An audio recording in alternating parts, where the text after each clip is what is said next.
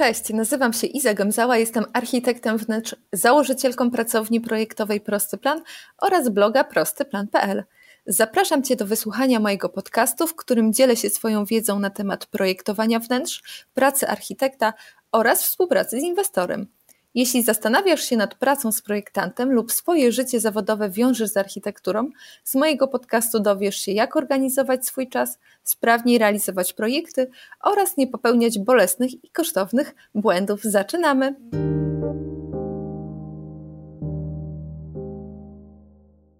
Witam Cię w ósmym odcinku podcastu Prosty Plan na Architekturę Wnętrz. Moim gościem ponownie jest Wojciech Wawrzak, prawnik specjalizujący się w branży kreatywnej, który dzieli się swoją wiedzą na temat zawiłości polskiego prawa dla twórców, blogerów i artystów. Prowadzi blog Prakreacja oraz podcast Prawo dla Kreatywnych. W swoich artykułach często porusza problem łamania praw autorskich, kradzieży własności intelektualnej w internecie i tego, gdzie leży granica między plagiatem a inspiracją. Z Wojtkiem miałam przyjemność rozmawiać w piątym odcinku podcastu na temat przepisów RODO w pracy architekta. Jeśli interesuje Cię ten temat, serdecznie zapraszam do przesłuchania piątego odcinka mojego podcastu. Dziś zapytam Wojtka o to, w jaki sposób architekt może chronić swój dorobek artystyczny, kto i w jaki sposób może wykorzystywać wizualizację oraz projekty i jak bronić się, kiedy ktoś ukradnie nasz pomysł czy zdjęcie naszej realizacji.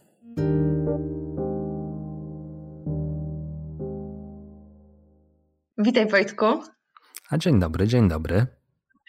Dziękuję, że przyjąłeś ponownie zaproszenie do mojego podcastu. Cała przyjemność po mojej stronie, tym bardziej, że sam się trochę napraszałem. To prawda, ale ostatnio rozmawialiśmy na temat RODO, a dzisiaj będę chciała Cię podpytać trochę na temat praw autorskich, czyli takiej bardzo ważnej kwestii w kontekście pracy architekta, architekta wnętrz. I zanim e, zapytam o takie bardziej szczegółowe mm, rzeczy, to chciałam Ci opowiedzieć pewną historię. Gotowy? Hmm, gotowy. W tamtym roku, a może jeszcze trochę wcześniej, miałam mm, taką bardzo nieprzyjemną sytuację z jednym z deweloperów. Moje zdjęcia z realizacji zostały wykorzystane bezprawnie do reklamowania mieszkań e, tego dewelopera. Chcę napomknąć, że jest to jeden z największych deweloperów w Warszawie, więc nie było tutaj mowy o jakiejś pomyłce, przeoczeniu. Była to po prostu celowa akcja, która miała um, za zadanie wywindować wyniki sprzedaży jak najbardziej w górę. Taką informację na temat tego, że moje zdjęcia są wykorzystywane w ogłoszeniu, dostałam od jednej z architektek, która gdzieś tam przez przypadek się na nie napatoczyła, rozpoznała moje zdjęcia i podesłała mi linka. Ja zareagowałam praktycznie natychmiast i zgłosiłam się do dewelopera, zadzwoniłam do biura sprzedaży z informacją, że te zdjęcia są na ich stronie, są wykorzystywane bezprawnie. Ja nie udzieliłam takiej zgody na wykorzystywanie moich zdjęć i bardzo proszę o to, żeby te zdjęcia z tej strony zniknęły. W odpowiedzi dostałam szereg jakichś wyjaśnień, które no, generalnie miały za zadanie zamydlić mi oczy, ale to ogłoszenie, tak jak było w internecie, tak pozostało jeszcze przez długi czas. Za namową kilku osób, już nie pamiętam jak do tej informacji dotarłam, ale trafiłam do notariusza, który sporządził tak w formie takiego jakby dokumentu, aktu notarialnego taki screen z tej strony internetowej wraz z adnotacją o dacie i o treści tej strony, ponieważ zostałam poinformowana, że taki zwykły print screen e, zrobiony w warunkach domowych nie jest dowodem w sprawie, tylko taki, mm, który jest przygotowany przez notariusza, ma jakąś e, moc prawną. Miałam jakby to ten dowód w tej sprawie mm, przy sobie, ale dalej nie mogłam od dewelopera wymusić tego, żeby te zdjęcia po prostu zniknęły z internetu. Nie chciałam swoim, swoimi realizacjami reklamować y, biura sprzedaży dewelopera. Y, bardzo długo trwała między nami wymiana maili. Ostatecznie te zdjęcia zniknęły z internetu, ale ja nie doczekałam się żadnych przeprosin, wyjaśnień, no tak naprawdę niczego.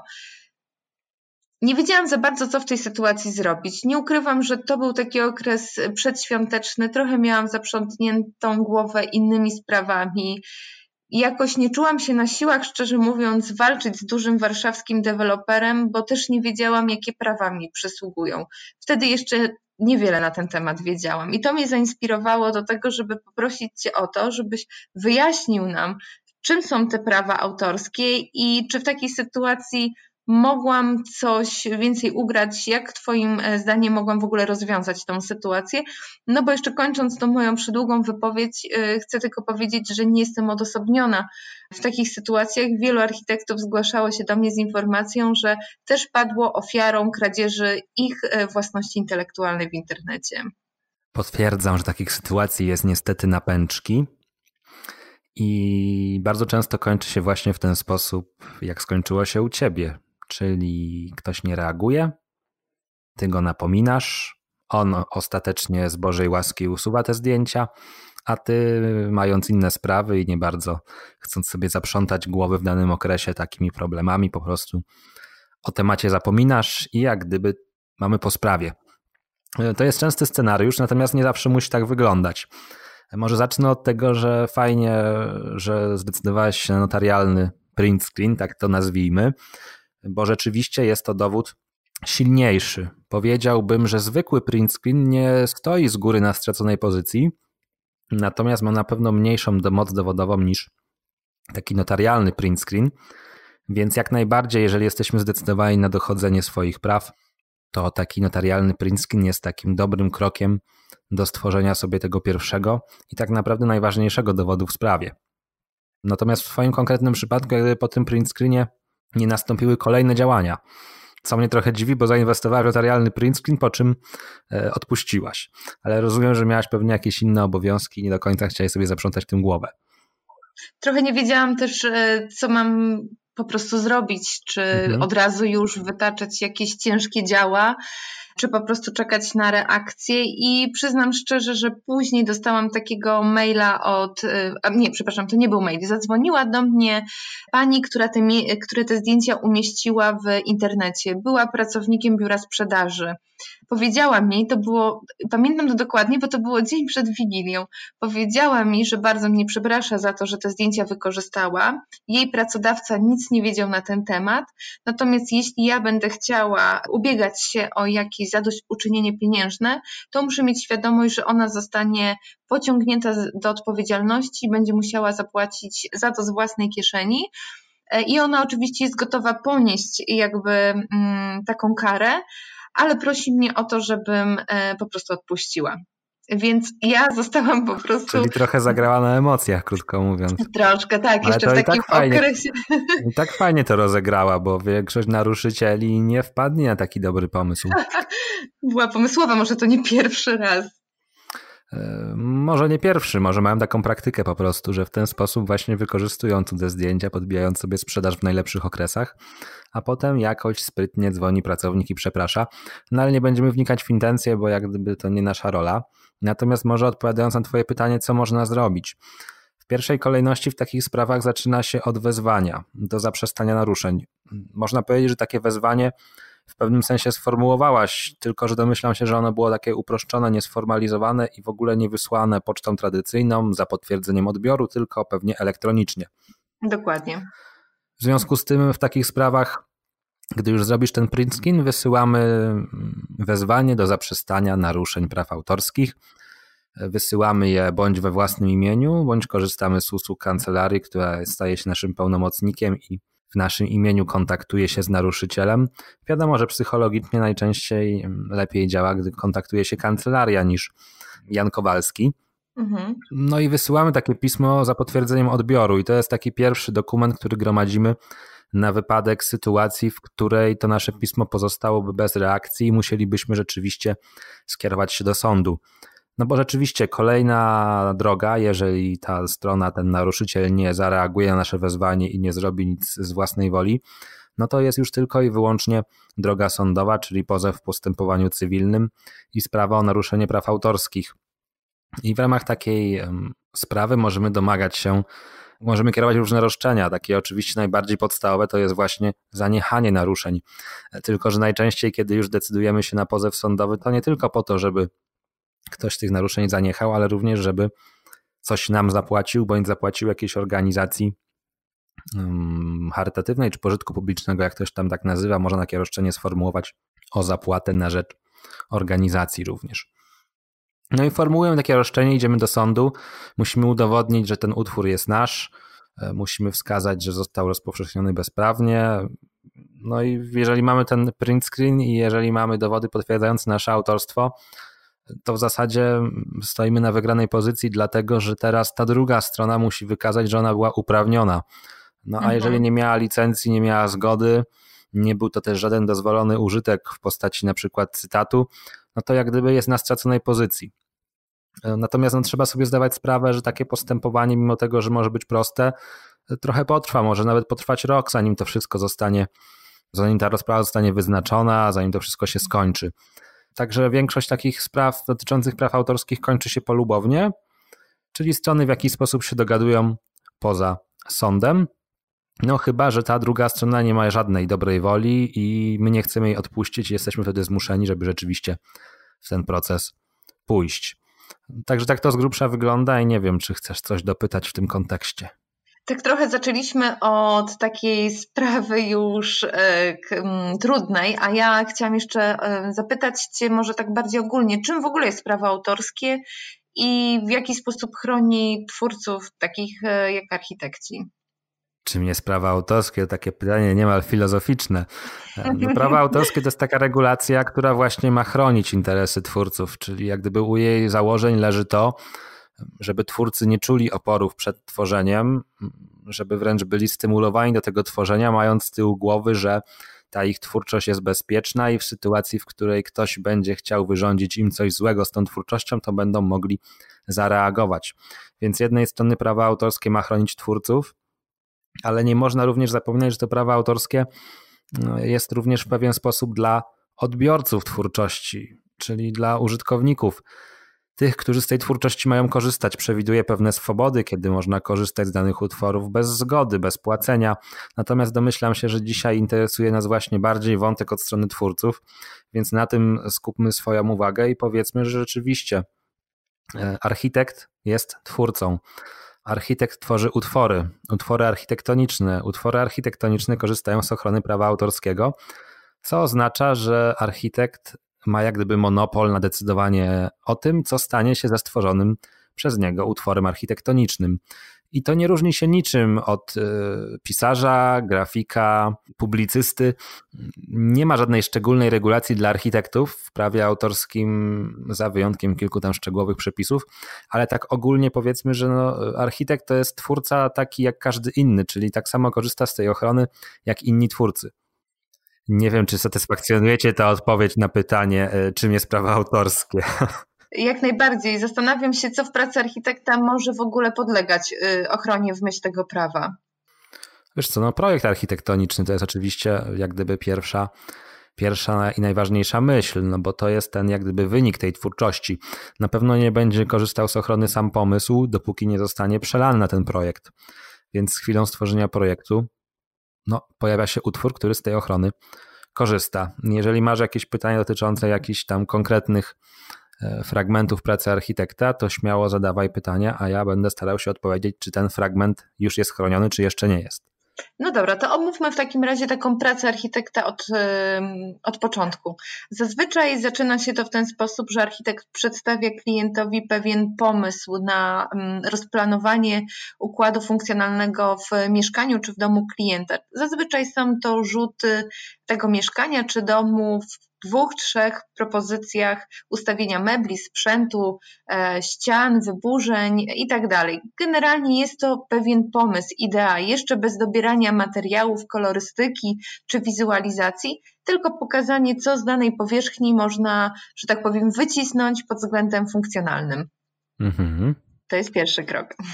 A, wiesz co, tu jest pewien problem na pewno, bo mm, z jednej strony intuicyjnie wyczuwamy, że chcielibyśmy to chronić, bo to jest w naszym interesie. Natomiast zawsze można sobie zadać pytanie o tak zwane kryterium twórczości, czyli w którym miejscu kończy się jak gdyby taka praca stricte techniczna, a w którym miejscu ujawnia się ta kreatywność. I teraz na przykład zwykły rzut mieszkania, no wydaje się, że nie będzie korzystał z ochrony, bo jest rzutem, czyli odwzorowaniem jakiejś przestrzeni. Natomiast w sytuacji, w której my teraz nanosimy na niego układ poszczególnych mebli, położenie jakichś elementów i tak dalej, to wydaje się, że w większości przypadków rzeczywiście będziemy mówić o tym chronionym utworze. Natomiast trzeba sobie zawsze zdawać z tyłu głowy, że w prawie autorskim nigdy nie ma takiej jednoznacznej odpowiedzi i nie ma żadnego takiego obiektywnego kryterium, które można by uchwycić w palcach i stwierdzić, ono istnieje, więc jest utwór. Utwór to jest generalnie przejaw działalności twórczej o indywidualnym charakterze. Tak pięknie brzmi definicja i pod to trzeba potem wszystko podciągać. Natomiast wydaje mi się, że możemy założyć, że w większości przypadków, jeżeli ten nasz pomysł na zagospodarowanie przestrzeni przyjmuje formę namacalną i przekazujemy to klientowi w formie powiedzmy to w uproszczeniu graficznej, a nie wyłącznie słownie, to rzeczywiście będziemy mieli do czynienia już z jakimś chronionym utworem.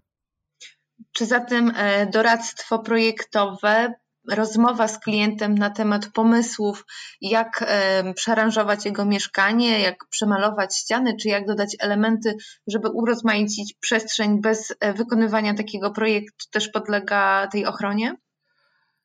Raczej nie, raczej nie. Hmm, oczywiście można to teraz odnieść do przykładu, który często podają prawnicy, mówiąc o tym, że utwór ma być utrwalony. Hmm, powołują się na taką sytuację jak improwizacja jazzowa, kiedy ktoś e, odgrywa coś na gitarze na żywo i, i nagle powstaje utwór po raz pierwszy i jest zakomunikowany na żywo. Także można by to odnieść do sytuacji, że w której architekt teraz opowiada klientowi o tym swoim pomyśle, to jak gdyby e, utrwala ten utwór. Natomiast nawet gdybyśmy poszli w taką argumentację, to my jej nigdy nie praktycznie nie obronimy. I co więcej, pytanie, jaki byłby cel, żeby już na tym etapie widzieć utwór, no bo domyślam się, że z tyłu głowy jest takie przekonanie, jeżeli podzielę się pomysłem z klientem, mhm. a klient teraz ten pomysł zrealizuje beze mnie, to ja chcę móc coś zrobić. Mhm. Taka pewnie jest idea. Tak. Także ja bym nie upatrywał na tym etapie możliwości ochrony na gruncie prawa autorskiego.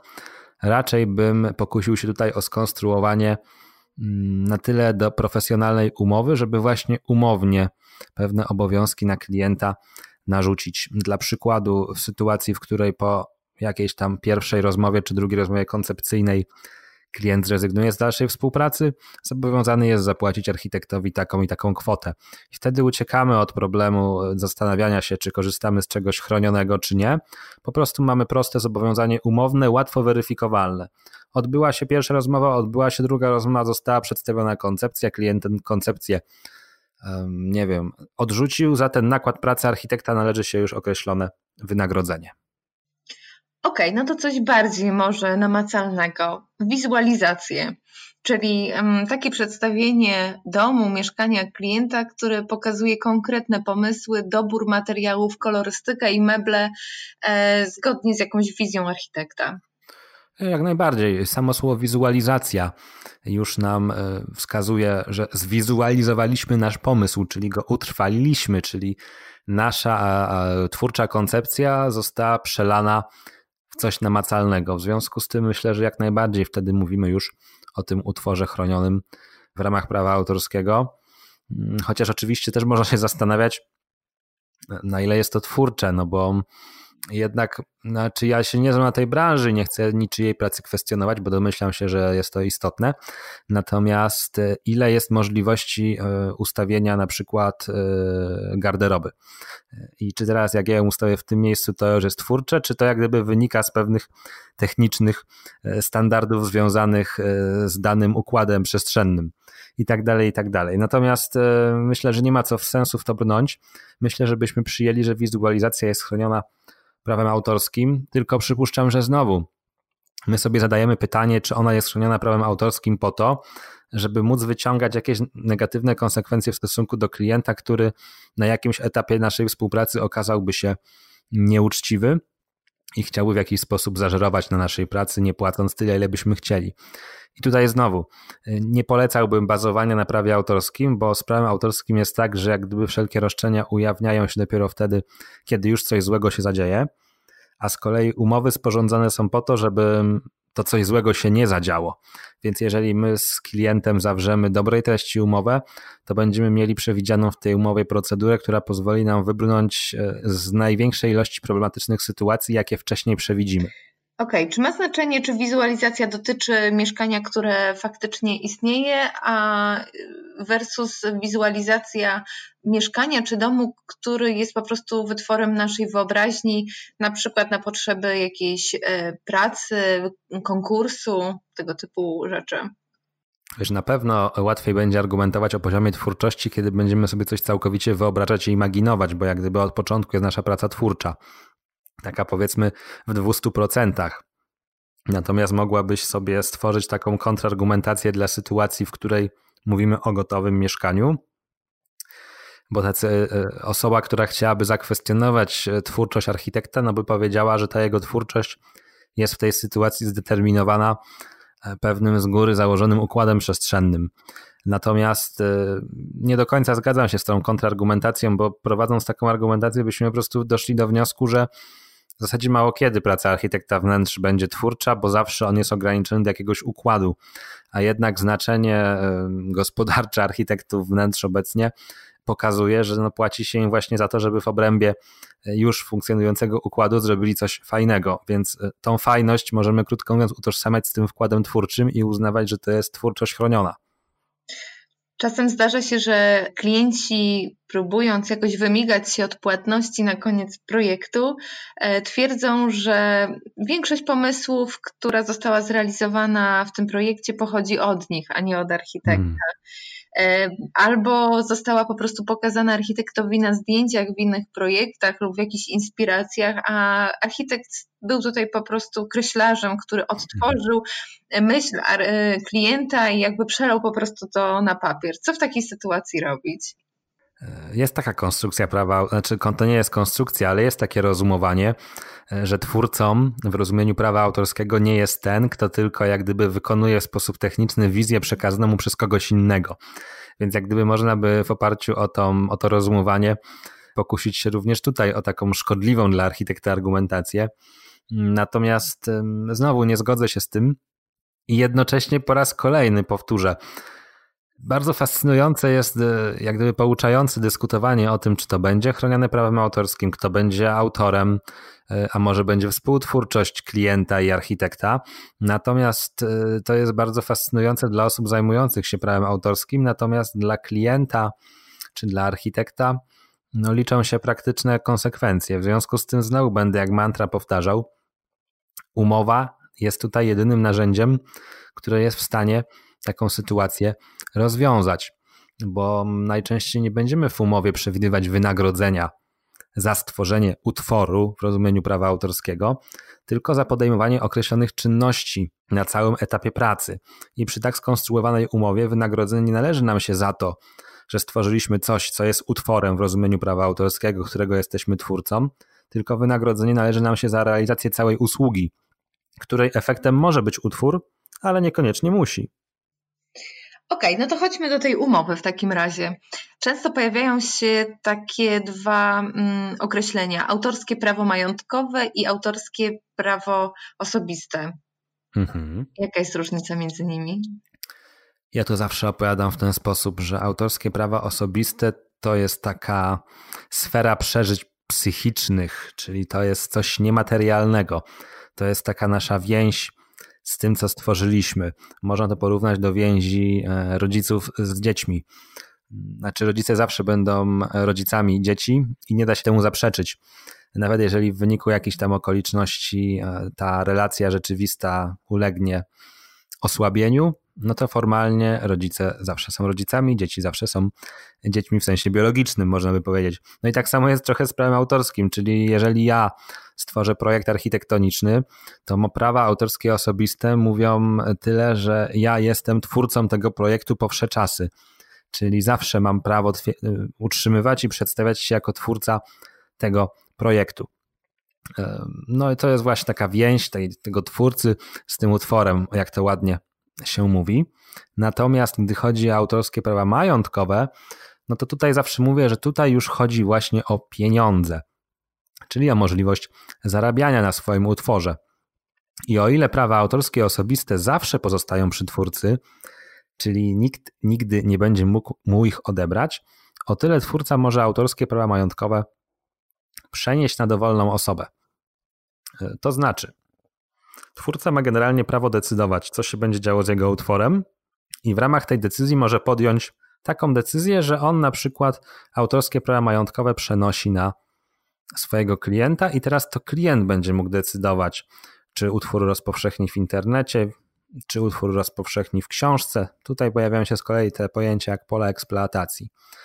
Krótko mówiąc, można sobie wbić do głowy. Prawa autorskie osobiste niezbywalne, nieprzenoszalne, na zawsze jestem twórcą utworu. Prawa autorskie majątkowe to są sposoby korzystania z utworu po to, żeby na nim zarabiać i tutaj już te prawa mogę przenieść. Trochę filozoficzna jest ta koncepcja, ale.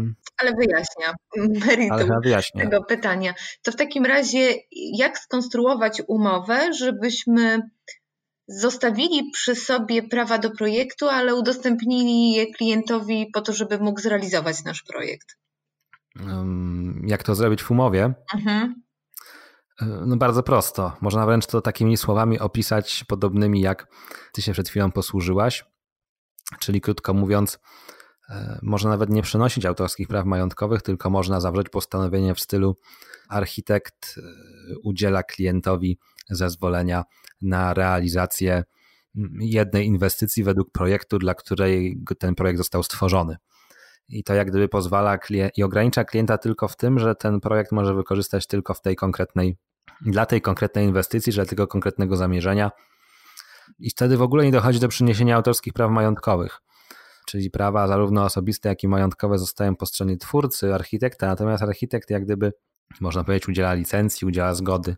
No właśnie, wspomniałeś o tej licencji. To też się często spotyka gdzieś tam w rozmowach między architektami, że oni właśnie swoim klientom udzielają licencji. Tutaj też pojawia się taki rozłam, ponieważ z tego, co zdążyłam się zorientować, ta licencja jest wyłączna i niewyłączna. I to znowu pojawia się pytanie, o co chodzi? Licencja wyłączna to jest taka licencja, której możesz udzielić tylko jednej osobie. Czyli ta jedna osoba ma pewność, że tylko ona może z tego utworu korzystać i nikt więcej, czyli nikomu więcej tej licencji nie udzielisz. Natomiast licencja niewyłączna to jest taka licencja, która sprawia, że ty możesz wylicencjonować ten utwór dowolnej ilości osób równolegle.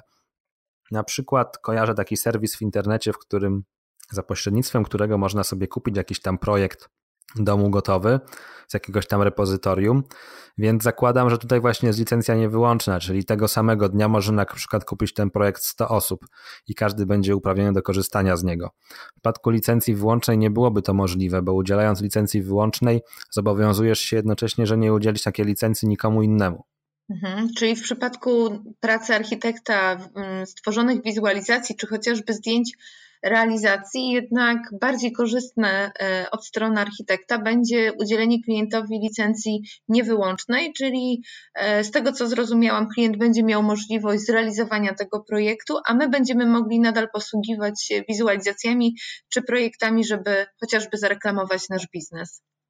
Dokładnie tak, e, choć z tym zareklamowaniem biznesu trzeba być też ostrożnym, bo przy zareklamowaniu biznesu to ja najczęściej spotykam się z sytuacją, w której e, architekt chce po zrealizowaniu przez klienta inwestycji zrobić zdjęcia tej inwestycji i sobie je rozpowszechniać u siebie. Mhm. I wtedy warto też to w umowie przewidzieć, to znaczy przewidzieć takie prawo formalnie po stronie architekta, bo często pojawiają się sytuacje sporne, w której klient stwierdza, a co pan tu będzie fotografował w moim prywatnym mieszkaniu? Ja się na to nie godzę. No i pojawia się problem. Gdy sobie to w umowie przewidzimy, to mamy już procedurę na wypadek takiego sporu. No więc znowu dochodzimy do etapu mojego ulubionego w pracy z klientami, czyli przygotowania umowy. I teraz podkreślę, nie chodzi o umowę e, ściągniętą z internetu, chociaż pewnie w internecie też jest sporo fajnych umów.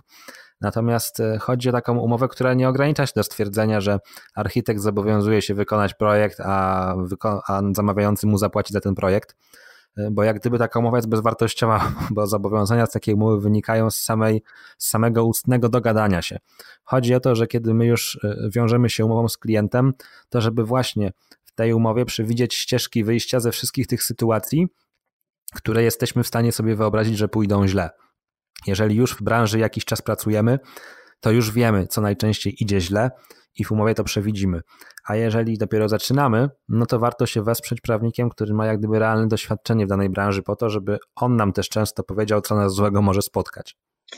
No dokładnie. Na początku mojej działalności moja umowa była dosyć skromna. Aktualnie liczy 10 stron i stale się powiększa właśnie przez to, że co jakiś czas y, borykam się z sytuacją, która w umowie nie została opisana i która pozostawia no, jakieś pole do domysłów czy własnej interpretacji. A domysły jest to jest najgorsze, co może być, ponieważ akurat to jest dobre, jako ludzie się różnimy i każdy różne fakty interpretuje różnie. Natomiast z punktu widzenia interpretacji umowy to jest akurat negatywne, bo y, nam się wydaje, że ta umowa mówi w takiej sytuacji to, a drugiej stronie się wydaje, że mówi coś zupełnie innego. Dlatego im bardziej precyzyjnie i im więcej szczegółów, często nawet tak kazuistycznie, to lepiej dla naszych interesów. Szczególnie, że rzeczywiście w tej branży architektów wnętrz tych potencjalnych konfliktów z klientami jest sporo, bo to jest niestety taka usługa, ja to mówię, zwiększonego ryzyka. No, dokładnie. Jednak tych e, takich m, mm, możliwości konfliktowych na każdym etapie mogłabym naprawdę podać bez liku, ale to, co mnie dziwi, jeśli chodzi o nastawienie niektórych architektów, to to, że oni nie chcą rozszerzać swojej umowy, ponieważ obawiają się, że jeśli klient dostanie wzór umowy, który ma więcej niż trzy strony, to on po prostu nie podpisze z nimi umowy. Przestraży się tej ilości zapisów albo nie będzie mu się chciało po prostu jej czytać i taki architekt zazwyczaj um, no, no nie wiem, robi taką umowę bardzo krótką, dwu, trzystronicową, opisującą z grubsza zakres umowy, wynagrodzenie i czas realizacji. No, co w tej sytuacji zrobić? Jak przekonać taką osobę do tego, że jednak ta umowa ma za zadanie chronić przede wszystkim interesy jednej i drugiej strony i podpisywana jest na te złe czasy, a nie na te dobre? Życie ją przekona. Jak ciebie przekonało. To jest najlepsza nauka tak naprawdę. Ale co do argumentu, że druga strona będzie negatywnie nastawiona, wszystko zależy od tego, jak ta umowa będzie wyglądać. Bo umowa umowie nierówna. Mm, spójrz na przykład chociażby na umowy, które podpisujesz na telefonie komórkowym. One są tragiczne w wyglądzie. To jest ściana tekstu 10 stron i do końca nie wiesz, co podpisujesz. Natomiast naprawdę można stworzyć umowę szczegółową, a jednocześnie przyjazną. Wszystko zależy od redakcji, wszystko zależy od logicznego powiązania poszczególnych postanowień. Wszystko zależy też trochę od warsztatu prawnika. I po prostu to, to są moje doświadczenia, ponieważ y, często spotykam się z umowami, które są pisane przez prawników, ale są jakby pisane bezrefleksyjnie pod kątem wyłącznie postanowień prawnych, a przecież e, umowa jest e, środkiem do łączenia dwóch stron. Więc przygotowując jakąkolwiek umowę, oczywiście warto myśleć o reakcji drugiej strony, ale też od razu sobie nie wbijać do głowy, że ta reakcja musi być negatywna, bo jeżeli ja odpowiednio tę umowę zaprojektuję, to wręcz odwrotnie ci klienci moi powiedzą: Wow, po raz pierwszy widzę taką umowę, która rozwiązuje nasze wszystkie problemy potencjalne na etapie współpracy, a jednocześnie jest napisana tak, że ją rozumiem. I wtedy, jak gdyby można powiedzieć, nasz odbiór jako profesjonalisty też jest większy. Więc e, nie zakładałbym czarnych scenariuszy, tylko skupił się na tym, że to, to, to dopieścić po prostu. Okej, okay, trochę zeszliśmy z tematu e, praw autorskich na umowę, co też jest bardzo ważnym tematem i mam nadzieję, że będziemy e, wkrótce mogli również na ten temat porozmawiać.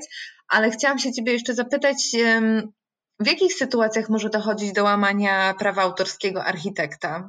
Czy możesz podać jakieś takie przykłady, na które, w których sytuacjach być szczególnie wyczulonym? Przykład pierwszy podałaś ty na samym początku naszej rozmowy. Taki przykład najbardziej dobitny z wykorzystaniem e, Twoich własnych zdjęć. No i tu chyba jest oczywista sytuacja.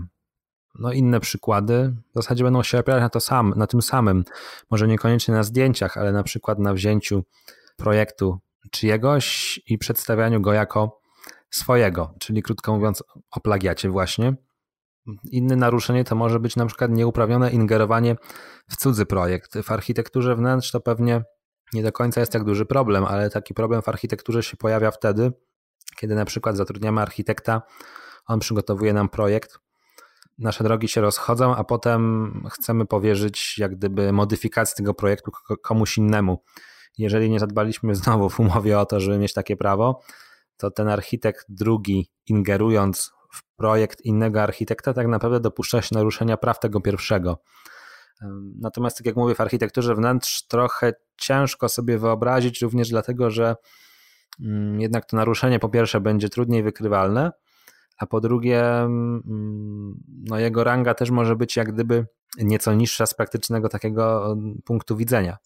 No to taki przykład. Kiedy przychodzi do mnie klient z gotowym projektem swojego domu, który zakupił chociażby przez mhm. internet, albo z projektem e, mieszkania w stanie deweloperskim, które zostało zaprojektowane przez e, pracownię opracującą projekt całego budynku, czy ja jeśli przestawiam na projekcie ściany działowe, zmieniam funkcję jakiegoś pomieszczenia, dodaję jakieś elementy w obrębie tego lokalu, łamię prawa autorskie tego, tej pracowni lub tego architekta? Wiesz co, ty to niekoniecznie, bo ty tego projektu nie będziesz jak gdyby rozpowszechniać. Klient będzie z niego korzystał, więc w twoim interesie jest odebranie krótkiego oświadczenia od klienta, w którym klient do, przedstawiając ci jakikolwiek projekt oświadcza, że jest uprawniony, żebyś tego modyfikowała. I tyle. Czyli znowu umowa. E, przepraszam, ale ten temat ciągle wraca. Tego zapisu w swojej umowie jeszcze nie mam, także cenna uwaga. Wojtku, jeszcze tak cały czas będę wracała do tych praw autorskich. Znaczy wiesz, bo ja jeszcze, jeszcze, jeszcze ci przerwę na chwilę, bo oczywiście teoretycznie naruszenie, bo wkroczenie w cudzy projekt, tylko jest teraz pytanie, jak ten biedny twórca pierwszego projektu ma się o tym dowiedzieć, jeżeli na przykład jest to tylko projekt wnętrza, które w założeniu nie będzie komunikowane publicznie, tylko będzie po prostu czyimś wystrojem e, wewnętrznym. Jak ten pierwszy projektant ma się dowiedzieć, że ten drugi wprowadził modyfikacje? Jak ma się w ogóle dowiedzieć, że ten inwestor zrealizował to według takiego zmienionego projektu. Bo jeżeli mówimy o, projektach jak gdyby budynków przestrzeni publicznej, to sytuacja jest nieco inna, ale przy projektach wnętrz to trochę zidentyfikowanie tego naruszenia po prostu jest trudne. No to chyba mam odpowiedź, bo jeśli architekt zrealizuje sesję zdjęciową tego mieszkania, która zostanie opublikowana na łamach jakiegoś magazynu wnętrzarskiego, no mhm. to jest szansa na to, że autor projektu całego budynku może jakby rozpoznać um, to mieszkanie y, ze, ze swojego dzieła, ze swojego projektu. No i zacznie się teraz spór, czy ta modyfikacja to jest wkroczenie w prawa autorskie, czy to może już jest całkowicie nowy i niezależny utwór, może delikatnie inspirowany, ale e, w zasadzie całkowicie nowy. No bo e, często ciężko będzie tą granicę przedzielić, szczególnie w projektach wnętrz. No bo teraz, nie wiem, dla, dla takiego przykładu, dla laików powiedzmy, że na przykład przestawisz w tym projekcie, nie wiem, szafę w inne miejsce. No i czy w związku z tym naruszyłaś integralność projektu i czy w związku z tym doszło do naruszenia i czy w ogóle można mówić o jakimś naruszeniu, no bo przecież e, no jak? No gdzie jest to naruszenie takie uchwytne? No ty mi powiedz. W tej architekturze wnętrz. W zasadzie dla mnie w praktyce jest nieuchwytne, no bo teraz możemy postawić zarzut, a może w tym zdjęciu to jest projekt czyś inny. W sensie, jak ten twórca pierwotny będzie w stanie wykazać, że to on jest akurat twórcą projektu tego konkretnego wnętrza.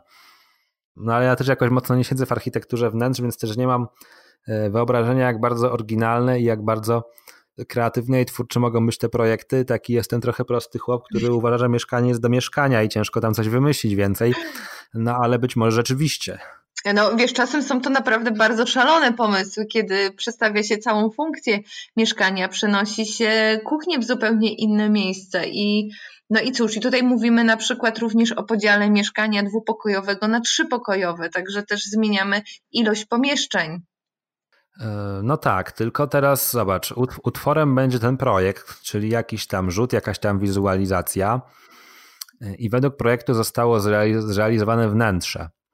No i czy teraz e, samo zdjęcie wnętrza zrealizowanego e, odmiennie w stosunku do tego pierwotnego projektu będzie naruszeniem praw autorskich do wizualizacji, wkroczeniem w integralność tego projektu? Nie podejmuje się rozstrzygnąć.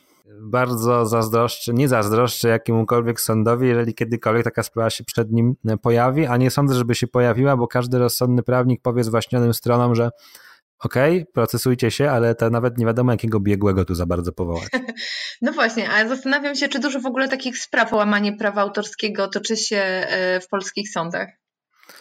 A nie wiem, nie prowadzę statystyk i też szczerze mówiąc, jak gdyby z założenia nie angażuję się w sprawy sporne, bo jakoś toczenie sporów jest mi trochę obce.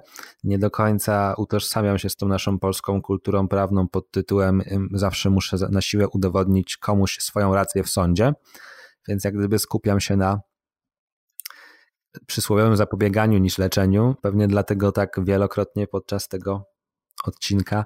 Mówisz o umowie. słowo klucz, umowa. A znasz jakieś w ogóle takie głośne sprawy mm, na temat ochrony prawa autorskiego w Polsce lub na świecie?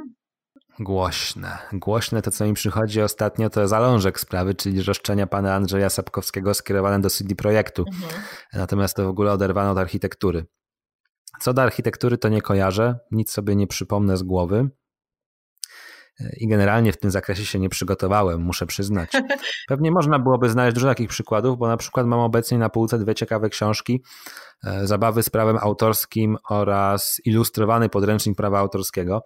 W końcu doczekaliśmy się w Polsce takich publikacji, które pokazują konkretne przykłady na zdjęciach i prawdopodobnie gdyby tam podrążyć, to znajdziemy takie konkretne przykłady również w zakresie architektury. No o, na przykład mi się już przypomniała kwestia z architektury. Wprawdzie nie wiem, czy to się skończyło procesem i na pewno nie w Polsce, natomiast nie wiem, czy kojarzysz taką e, instalację artystyczną, jak na przykład obudowywanie jakiegoś budynku, taką powiedzmy e, folią do pieczenia, kolokwialnie mówiąc, e, czyli robienie jakiejś bryły na jakimś tam już budynku, opakowywanie go jak gdyby bodajże było opakowywanie Reichstagu, bo bodajże było opakowywanie jakiegoś mostu.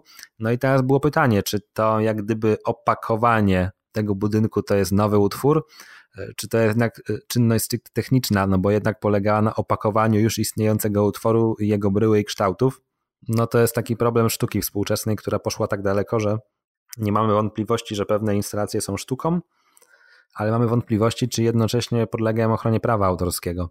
Także jeżeli miałabyś wśród swoich e, odbiorców osoby zainteresowane prawem autorskim i takimi publikacjami na ten temat, to polecam rozejrzeć się na rynku za książką właśnie pod tytułem Zabawy z prawem autorskim oraz Ilustrowany przewodnik po prawie autorskim, bo tam znajdziemy mnóstwo przykładów obrazkowych, gdzie to wszystko jest omówione. Wojtku, wspomniałeś o inspiracji i o plagiacie. Czy w prawie jest, są te dwa słowa jakoś zdefiniowane, żebyśmy mogli w ogóle odróżnić to, co jest inspiracją czyimś projektem, a to, co już jest plagiatem? Nie mamy oczywiście żadnych zero-jedynkowych wskazań. Na tym polega przekleństwo i urok prawa autorskiego, natomiast bierze się to pojęcie inspiracji, plagiatu bierze się z takiej bardziej podstawowej kwestii, to znaczy mm, ustaliliśmy na samym początku, że w prawie autorskim ochronie podlega utwór.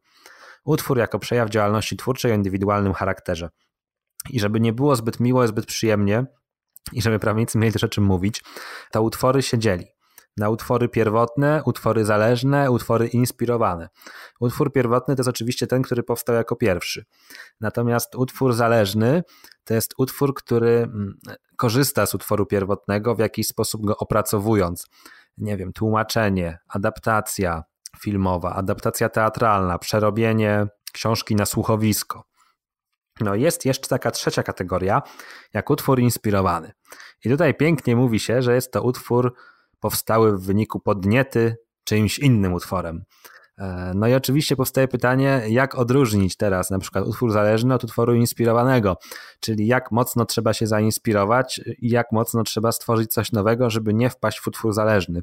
A dlaczego ma to znaczenie? Dlatego ma to znaczenie, że o ile utwór inspirowany uznawany jest za całkowicie samodzielny utwór, z którego można korzystać bez jakiegokolwiek pytania o zgodę e, twórcę tego utworu, którym się inspirowaliśmy, o tyle na przykład z utworem zależnym jest ten problem, że na korzystanie z niego trzeba mieć zgodę twórcy utworu tego pierwotnego.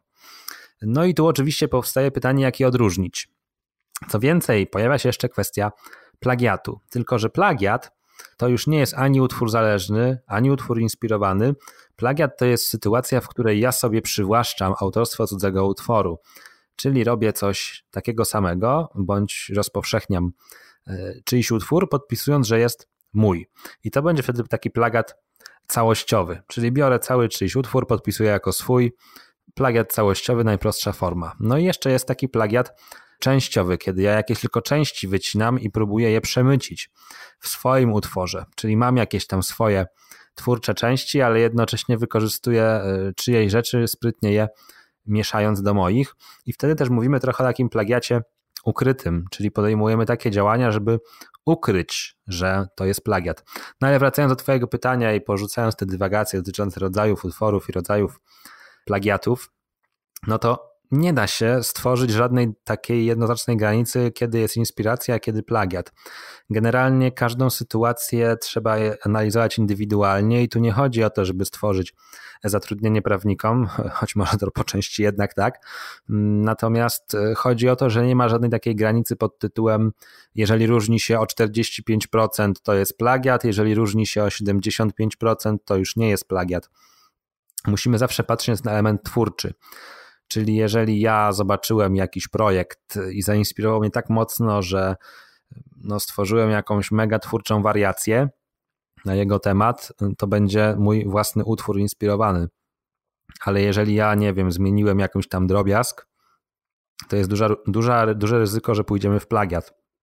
No i znowu, na podstawie utworów architektonicznych, gdy chodzi o architekturę wnętrz, to rozgraniczenie tych dwóch sfer jest e, szczególnie trudne, no bo do tego przykładu, który już używałem wielokrotnie, czy przedstawienie w projekcie szafy spowoduje powstanie nowego utworu, czy może będzie to opracowanie utworu pierwotnego, a może szafa została przedstawiona o taki kąt, że to jest utwór inspirowany, a może twórca pierwotny będzie twierdził, że to plagiat.